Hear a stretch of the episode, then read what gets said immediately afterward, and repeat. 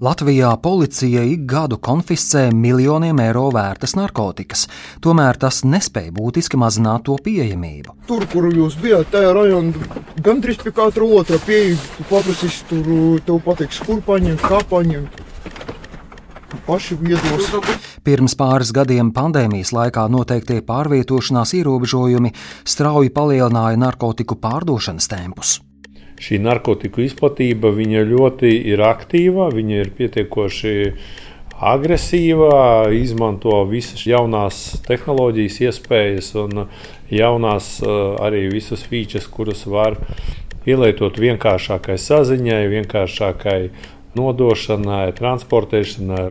Kamēr nelegālajā tirgū parādās jaunas vielas, arvien biežāk nepieciešama mediķu palīdzība. Pirmos desmit mēnešos dienas ir saņēmis jau 3000 izsaukumu, kas ir saistībā ar narkotiku lietošanu. Kāpēc pēdējo gadu laikā apritē ir nonācis vairāk narkotiku un kādēļ ir dubultojies to izraisīto nāves gadījumu skaits? To atvērto failu pusstundā pētīs Baiva Kļava un viņas veidoto raidījumu ierunāšu es, Ģedars Ģēlzes. Pirmā daļa. Mēs neuzdodam tādus jautājumus.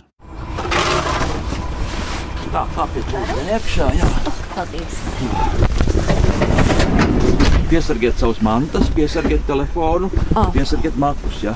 Labi. Viens tāds mirklis, ka te viss var pazust. Piektdienas vēlā pēcpusdienā Matīs ielā satieku Bilu Mūžnieku. Viņš pēdējos gandrīz 20 gadus strādā atbalsta centrā Dialogs, biedrībā, kas veic HIV profilaksi Rīgā un tās apkārtnē. Mēs apzvanām klientus un uzaicinām viņus attiecīgi ja, uzzinām, nu, kur satikt. Ja. Viņa minētie klienti ir narkotiku lietotāji Rīgā, un Bils ir viens no atbalsta centra mobilās vienības darbiniekiem. Viņš sāk savu vakarmaiņu.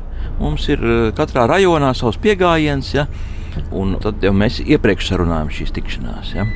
Jo, nu, kā saka, braukāt tērēt degvielu pa visu Rīgu, ja, nu, tas nav liederīgi un tas pat nav iespējams. Kopā ar Bilu, šoferi Edgars Grigorjevu un medmāsu Lidiju Jefimovu atbalsta centra busiņā izbraucam uz Bankovku. Tā žargonā viņa dēvē vietu, kur busiņš gaidīs nākamo stundu. Tad mēs attiecīgi gaidām, ja, kad viņi atnāk, un tad eh, attiecīgi dodam viņiem šķirces, mainām šķirces, izsniedzam prezervatīvus. Ja, un, eh, ja ir interese, ja, tad eh, veicam analīzes uz HIV, uz hepatītiem, uz sifilisu. Lūk. Tie ir ekspresa testi. Ja? E, šie testi ir e, diezgan precīzi. Katru nedēļas dienu busiņam ir atšķirīgs maršruts, un šoreiz tā ir Lienas ielas apkaime. Šovakar pievienojos brigādei, lai aprunātos ar narkomāniem. Es gribu saprast, kur un kā viņi dabū narkotikas. Tā, Kad jāsāk apzvanīt no tiem klienti mūsu. Mūrnieku, ja? Mūrnieku septiņi, jā. Skaties, redziet, kā mēs pieprasīti esam, ja? Kad esam atbraukuši uz mūrnieku ielu, Bils rāda darba telefonā saglabāto klientu sarakstu. To viņš ir izveidojis tā, lai kontaktpersonas nevarētu identificēt. Nu, pašu kontaktu ir kaut kur, redziet, nu, kaut kur ap 20 cilvēkiem. Ja? Nu, aptuveni, ja? bet nu, tas kā, nu, viss, protams, nekad nesanāk kopā vienā reizē. Katra šās dienas potenciālā klienta vārdu telefonā viņš saglabā ar piebildi 5V. Tas apzīmē piekdienas vakara mājas klientus Lienas ielas apkaimē. Tur viens no agentiem zvanīja, gribēja pienākt šeit. Jā, jā, tūlīt jā. Aļo! Halo! Здравствуйте, здравствуйте. Sveiki! Jā, jā, mēs atzvanām.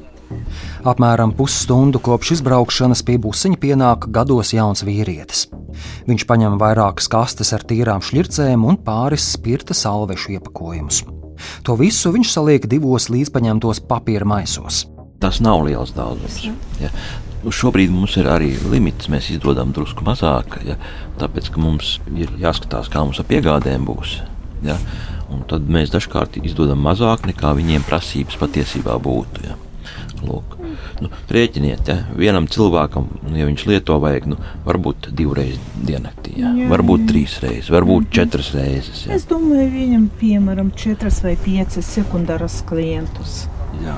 Viņš neviens, cilvēki, jā, jā. citi Viņš nav viens. Jā. Viņi visi parasti nenāk, atsūta vienu cilvēku. Mūsu brigādei pievienojas arī dialoga darbiniece Edīte Sika. Viņa spēja te jau nekļūdīgi atpazīt narkotiku lietotājus ielās. A tagad ir, kas pa telegramu ir tas tur heroīns 100 eiro grams. Parādīs vienā vietā. Tīrais? Tīrais. Cik tā gramu pietiek reizes? Grams, kas ir daudz. Nu, desmit, desmit tevs, jā. Jā, kaut kā tā. Edīte stāsta, ka nesen apritē nonāca ļoti toksisks narkotiku maisījums, ko dēvē par šoru. Tās ir jaunas sintētiskās narkotikas. Viena deva maksā 15 eiro, un pēc šoras lietošanas vasarā nomiruši vairāki Edītei zinām cilvēki. Narkomāni bija Mazakalna ielā, ir vairāk sastopami, bet to taču, ka aiziesīt ciet. Jau Ivanovska kapos, jau katru dienu, kas tur mira cilvēki. Pārdozējusies bija. Katru baigšu dienu bija pārdozējusies. Ivana kapi atrodas Latvijas priekšpilsētā. Brigādes darbinieki to izceļ kā vienu no Rīgas mikrorajoniem ar lielāko narkomānu skaitu. Maskavas forštat. Mm -hmm.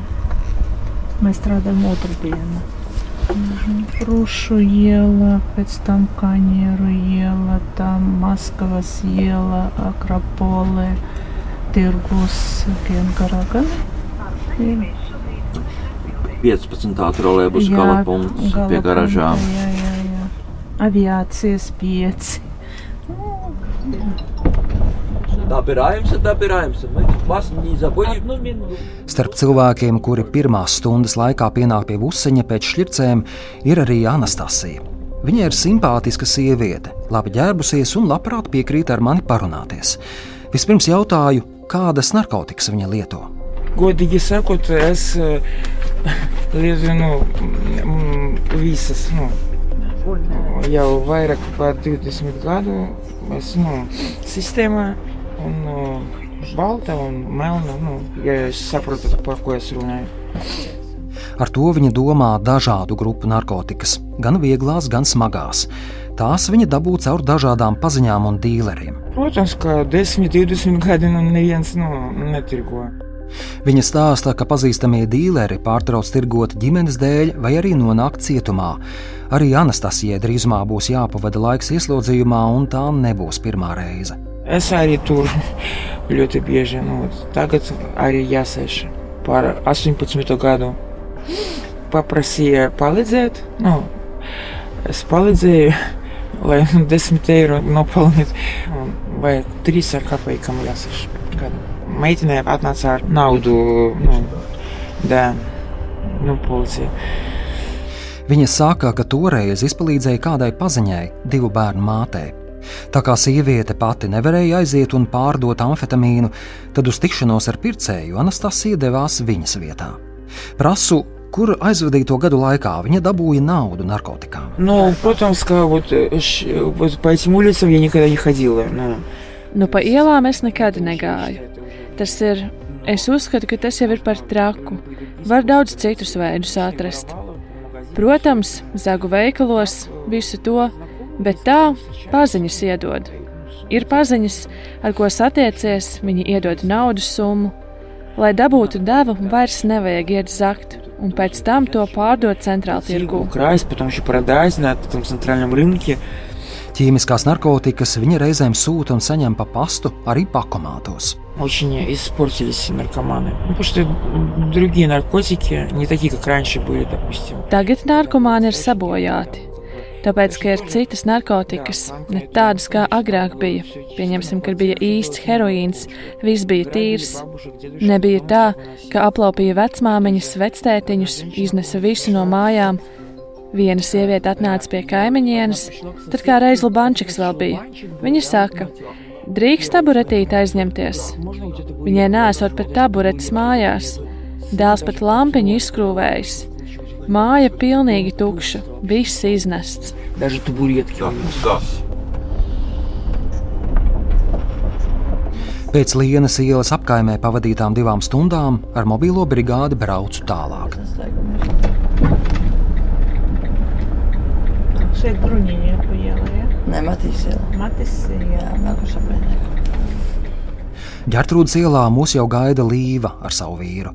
Viņi pēc tīrām šķircēm ir atbraukuši no Pierīgas. Es lietoju vitamīnus vai vitamīnus. Vitamīns, es nezinu, kā vienkārši vitamīnu. Manu, ka līves acu zīlītes ir acīm redzami palielinātas, un mūsu pusiņa salona apgaismojums liek sievietei aizžmiegt acis. Šitai 65 stūri. Skaiti 65 eiro maksā 5 grami. Viņa stāsta, ka vairākas reizes mēnesī lieto amfetamīnu, un katru reizi tam iztērē apmēram 150 eiro. Nu, Zarasa man gut 10. Vienā reizē var aiziet 10 grami, un 10 grami aiziet pa nedēļu, pa pusotru. Narkotikas viņa lietoja tikai, lai izklaidētos, un no tām nemaz nesot atkarīga. Nu, Pietiek, es strādāju, virs strādāju, un kad gribam atpūsties, tad arī ņemam, kad gribam no visā. Atslēgties, norobežoties, lai vispār nekas netraucē, vienkārši sēdi un viss. Tāpat kā Anastasijai, arī Līvai jautāju, kā viņa tiek pie narkotikām. Caur visādiem cilvēkiem. Tāds pazīstams. Nu, ne tā kā paziņām, nu, tur, kur jūs bijāt, tajā rajonā, gandrīz pie katra otra pieeja, paprasīs tur, tev pateiks, kur paņemt, kā paņemt. Paši viedos vai narkotikas viņi pērk arī caur saziņas lietotnes Telegram grupām. Я знаю, что там можно, да, ну, нет. Es zinu, ka tur var, bet nē. Kā saka, labāk, ka tur redzi cilvēku un zini, kas tur un kā tur. Bet, kad caur internetu tu sarunā, pārsūti naudu, pēc tam vēl kaut kur ej, savāc to paciņu no slēptuves, tur var būt 50 vai 70% miltu. 70% что там будет какая-нибудь мука или какой-нибудь крахмал. Tā kā sievietei ir savi kontakti starp narkotiku tirgoņiem, tad tikt pie devas viņai nesagādā grūtības. vienkārši zvani, prasa, vai var, ir pieejams vai nav pieejams. Ja viņš var, tad jā, es braucu. Ja viņš nevar dabūt nu, tajā pašā brīdī, piemēram, nu, patiks, ka nu, nevar. Dotā brīdī nav kur. Tam tā kā ir cepočka, ka tu vari tādu. Tur tāda kārtība, ka skraidīsi un pacels saputrosies. Iepriekš par heroīna lietošanu viņa pusgadu pavadīja cietumā, paņēmusi šķirces, līvā ar vīru dodas tālāk. Jautāju arī Bilam Mūžniekam, vai narkotiku lietotāji mēdz stāstīt, kā viņi tiek pie aizliegtajām vielām. Nē, nē, šī tēma ir tā kā tāda tabū, ja mēs tiešām nezinām, kā viņas, kādu apriņķi tur viņas ņem. Ja? Un mēs arī neuzdodam tādus jautājumus, jo tad būtu pagalam mums tā uzticība. Ja cilvēki vairs neusticētos, viņi domātu, ka mēs gribam kaut ko izvilināt priekš tiesību sargājošiem orgāniem. Ja. Viņš stāsta, ka katrai iestādēji ir savs darbs. Protams, kad uh, mēs uh, neejam uz vietām, kur tiek tirgotas narkotikas vielas, ja mēs tās nezinām, paldies Dievam, mums nevajag. Tur ir bīstami. Ja. Bils Mužnieks un viņa kolēģi apmēram triju stundu laikā izdala vairākus tūkstošus šķirču. Gada laikā mobilā brigāde narkotiku lietotājiem Rīgā tādas izsniedz gandrīz vienu miljonu. Otra daļa - pieejamāki un lētāki. Darba dienas pēcpusdienā pastaigājos pa bruņinieku ielu posmā, kas ir netālu no avotu ielas. Turpat apkaimē atrodas arī valsts policijas kriminālistikas pārvalde. Uz kādas daudzstāvu dzīvojamās ēkas sienas redz uzrakstu Krievu valodā. Tas vēsta narkotikām nē, un tam blakus ir vēl viens mazāks - skoks, kas žargonā apzīmē laupīšanu. Pirms pāris gadiem Saujiņa bruņinieku ielas iedzīvotāju narkotiku izplatības problēmai apkārtnē pievērsa mediju uzmanību. Viņi sociālajos tīklos regulāri ievietoja video un fotogrāfijas ar narkomāniem un tirgotavām šajā apvidū.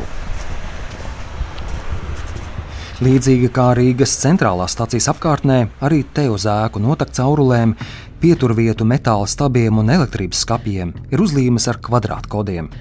Tās ļauj ātri piekļūt virtuālām tirgotavām jeb telegramu grupām, kurās pārdod narkotikas. Daudzas šīs reklāmas ir sabojātas, apdedzinātas, saskrāpētas vai daļēji noplēstas. Piekļūt vēl citām līdzīgām telegramu grupām var arī bez kvadrātu kodu noskanēšanas. Toļāju lietotnes meklētājā ierakstīti žargonu vārdi, kas angļu un krievu valodā apzīmē dažādas narkotikas. Šādi bez lielām grūtībām atrodu potenciālus pārdevējus Rīgā. Nosacījumi ir vienkārši. Jānosūta privāta ziņa un jāsamaksā kriptovalūtā. Kad maksājums būs saņemts, turpat saņemšu ziņu par to, kā un kur saņemt narkotikas. Pārdevēji ir nodrošinājušies, lai viņus nevarētu atpazīt. Viņu telefona numurs ir paslēpts, arī lietotāja vārds un profila bilde neļauj identificēt personu. Novēroju, ka daļa grupu ir izveidotas tikai pirms pāris mēnešiem. Grupu ziņās redzu bildes un video ar dažādām narkotikām, kokaīnu, marihuānu, amfetamīnu un neatšifrētām krāsainām tabletēm, kā arī elektroniskajām cigaretēm. Lai gan narkotikas tagad virtuāli pārdoda visā galvaspilsētā un pat visā valstī, atsevišķas Rīgas apkaimes, kas jau izseni zināmas kā narkotiku tirdzniecības vietas, joprojām ir aktuālas. To novērojuši arī pētnieki. Narkotisko vielu izplatību Rīgā monitorē slimību profilakses un kontroles centrs jeb SPKC. Intervijai uzrunāja tā pētniece Diānu Vanagu Arāju. Mēs redzam stimulantu pieaugumu, amfetamīnu tieši. Viņa stāsta, ka SPKC pat labam strādā pie diviem pētījumiem. Vienā zinātnieki analizē narkotiku vielu atliekas izlietotajās šķircēs, kuras savāca atbalsta centra dialogs darbinieki. Lielākā daļā detektēto šķirču bija atklāts amfetamīns, 46% gadījumu šķirču. Savukārt otrā pētījumā viņi pēta narkotiku klātbūtni Rīgas notekūdeņos. Tur nosaka šajos notekūdeņu pētījumos stimulantu vielas, metamfetamīns, amfetamīns, kokaīns un uh, ekstāzija MDMA. Un tas, ko mēs redzam, kokaīnam ir šis pieaugums. Amfetamīnam bija samērā stabila situācija, bet 22. gada dati uzrāda pieaugumu. Un attiecībā uz metamfetamīnu un ekstāziju mēs pēc to slodžu daudzumu, kas mums ir atklāts notekūdeņos, mēs esam top 20 pilsētu vidū. Citas narkotikās vielas savukārt no tirgus ir pazudušas, piemēram, agrāk populārais heroīns. Kā bīstamu tendenci viņa min jauno sintētisko opioīdu, nitazēnu parādīšanos Latvijā. Vanaga Arāja stāsta, ka jaunās sintētiskās narkotikas šobrīd strauji izplatās tieši Baltijā.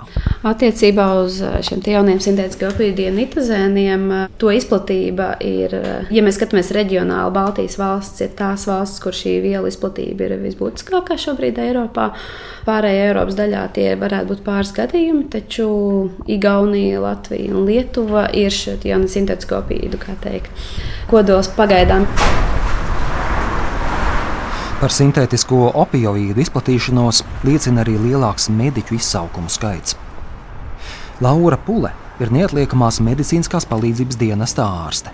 Šogad pirmos desmit mēnešos dienas ir saņēmis jau 3000 izsaukumu, kas ir saistībā ar narkotiku lietošanu. Gan sākot no kā, narkotiku ietekmes un reibuma, ja tā varētu teikt, līdz pat pārdozēšanas gadījumiem. Tas ir nedaudz vairāk kā pērn. Pūle stāsta, ka pēdējos gados šādi izsaukumi kļūst arvien biežāki. Turklāt šā gada laikā miruši jau 11 narkotiku lietotāju, kas ir uz pusi vairāk nekā pirms pāris gadiem. Un arī vecuma diapazons. Tā kā agrāk bija tāds noteikts vidus, tāds 20 līdz 40 gadiem, tad tagad jau līdz pat 60 gadiem un sākot no pat jauniešiem. Viņas prātas liecina, ka iedzīvotājiem ir vieglāk tikt pie narkotikām. Sintētiskie atvasinājumi, citi analogi, kas, nu, iespējams, tā vismaz mūsu narkotiku lietotāji saka, ka esot pieejamāki un lētāki, kas viņiem ir izdevīgāk un lielāku efektu rada. Jo ja agrāk nu, par narkotikām mums tā kā arī brigādēm bija daudz maz skaidrs, ka tie ir nu, daudz maz opiāti vai kaut kādi atsevišķi piejaukumi klāt vai medikamenti, ko viņi lieto klāt, tad tagad jau tās ir no nu, absolūti jauns paveids, kuriem arī mūsu specifiskie medikamenti ir nepieciešams ļoti liels un varētu teikt, ka pat maksimāls devas, lai viņiem palīdzētu. Jautāju ārstei, kuras ir tās apkaimes, uz kurām mediķi saņem visvairāk izsaukumu narkotiku dēļ. Ja jūs man jautātu pirms gada, es jums teiktu, ka noteikti ir specifisks apkaimes Latvijas priekšpilsēta, centrālās stacijas rajons, centrālā tirgu rajons. Sarkandaugava noteikti, bet eh, tagad jāsaka, ka tā ir visa Rīga un nu jau jāsaka arī Pierīgas rajona. Slimību kontroles un profilakses centra statistika rāda, ka pēdējos gados visā Latvijā pieaug to cilvēku skaits, kas ir lietojuši vai tikai pamēģinājuši narkotikas. Jaunu cilvēku vidū tāds ir katrs ceturtais. Te gan piebildījuši, ka šie dati neparāda, vai šie iedzīvotāji izmēģinājuši vieglās vai smagās narkotikas. Savukārt tas, ka Latvija ir viena no valstīm, kur visvairāk lieto nitazēnus, man liek domāt, ka likumsargi mūsu valstī nespēja efektīvi cīnīties ar organizēto noziedzību. Trešā daļa - vajag tirgotāju dabūt pie vietas. Taisām burbuļus strādāt!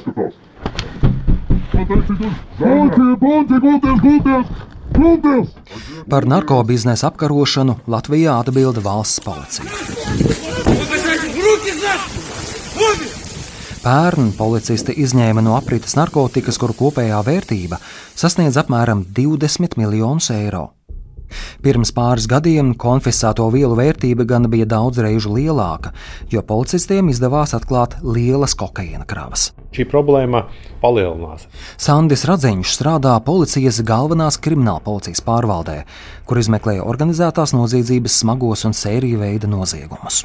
Palielinās mūsu darba rezultāti un darba apjomi, bet eh, šī narkotiku izplatība ļoti ir aktīva, viņa ir pietiekoši agresīvā, izmanto visas jaunās tehnoloģijas, iespējas un jaunās arī visas features, kuras var pielietot vienkāršākai saziņai, vienkāršākai nodošanai, transportēšanai. Viņš atturas iezīmēt patieso ainu ar Latvijas narkotiku biznesa apmēriem. Runājot par to, cik aizplūst garām šo narkotiku, cik nav izņemts. Ja, man nepatīk šie pieņēmumi. Ja. Saka jau vispār, ka latentums par narkotikām runājot, ka teiksim, aptuveni 10-20% tiek atklāti no šiem stipri latentajiem noziegumiem. Ja. Tātad, nu, varam reizināt reiz pieci ja, nosacīti. Tātad šogad narkotiku biznesa apgrozījums varētu būt ap 100 miljoniem eiro. Jāsaka, ka narkotiku vielu aprīte ir kļuvusi ļoti slēpta. Un līdz ar to mēs varam uzskatīt, ka šis darbību skaits ar narkotikām ir stipri lielāks nekā ir reģistrētie skaitļi. Un latentums, ļoti liels latentums šim noziedzības veidam ir. Pandēmijas laikā, kad valdība valsts mērogā ieviesa striktus pārvietošanās ierobežojumus, strauji pieauga narkotiku pārdošanas tempi internetā. Vienīgais moments un nianses ir tā, ka piegāde tik un tā notiek fiziski. Narkotikas piegādāt virtuāli nevar. Šī gadījumā arī faktiski šī noziedzīgā pasaule ir atradusi šo risinājumu. Tas ir caur slēpņiem šī piegāde. Tātad, uh, ievietojot slēpni, attiecīgās koordinātas nosūtot menedžerim, menedžeris jau saņemot apmaksu par narkotikām, vienkārši cilvēkam, kurš tās narkotikas meklē, nosūta konkrēto slēpņu vietu. Viss komunikācija nekāda, tiešā kontakta nekāda. Radziņš stāsta, ka tiesiskais regulējums šajā laikā nav mainījies. Tas nozīmē, lai pierādītu cilvēku vainu, policijai jāsavāc noteikts pierādījumu apjoms.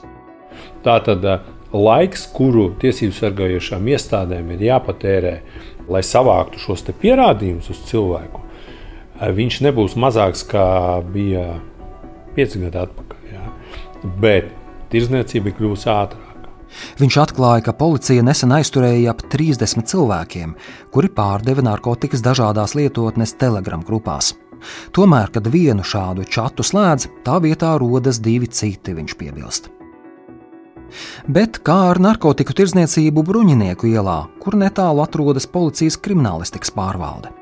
Redziet, tas, ko redz cilvēku uz ielas, viņi redz pārsvarā šos klientus, kuri tās narkotikas saņēmuši un kur viņi iet, viņi ir apreibuši un tad viņi tiek aizturēti. Bet tas ir tas, kas krīt acīs, bet tas nav reāli tirgotājs.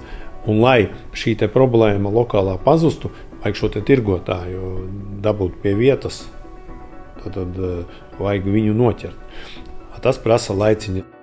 Viņš skaidro, ka piemēram pašu iedzīvotāju uzņemtie video materiāli ar klientu rosību pie tā dēvētajām točkām nav pierādījums, kas ļautu aizturēt cilvēkus par narkotiku tirgošanu. Viņi jāpieķer pārdošanas brīdī.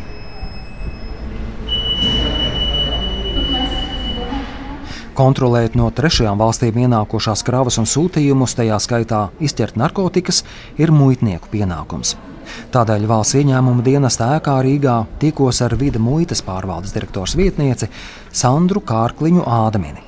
Ja mēs runājam tieši par narkotikām, tad, piemēram, nu, izvērtējot um, šīs uh, starptautiskās tendences iepriekšējos piecus gadus, mēs secinām, ka, piemēram, nosūtītāju valstu topa virsotnē joprojām ir piemēram kravas no Dienvidamerikas valstīm, Centrāla Amerikas valstīm, Āfrikas, Ķīnas uh, un apvienotiem Arābu Emirātiem. Preces, kurām muitas kontrole pievērš īpašu uzmanību, ir piemēram jūras konteineru krāvas ar žāvētiem augļiem, kafiju un eksotiskajiem augļiem.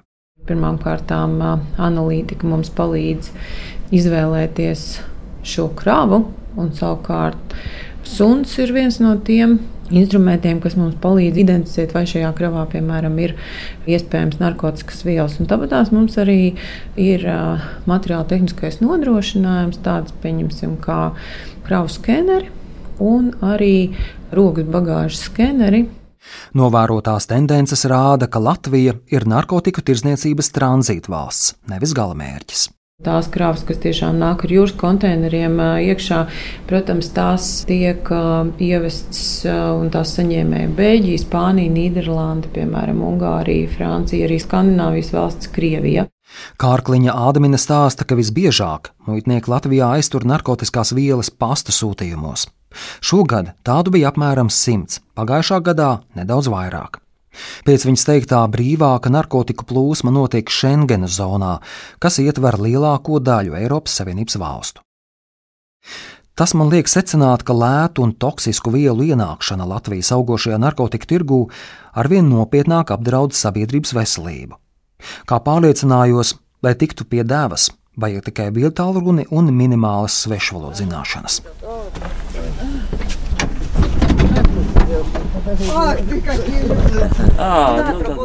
Ko par iespējām cīnīties ar narkotiku izplatību un to lietošanu Latvijā domā Bils Mužnieks no atbalsta centra dialogs, kuru dzirdējāt raidījuma sākumā?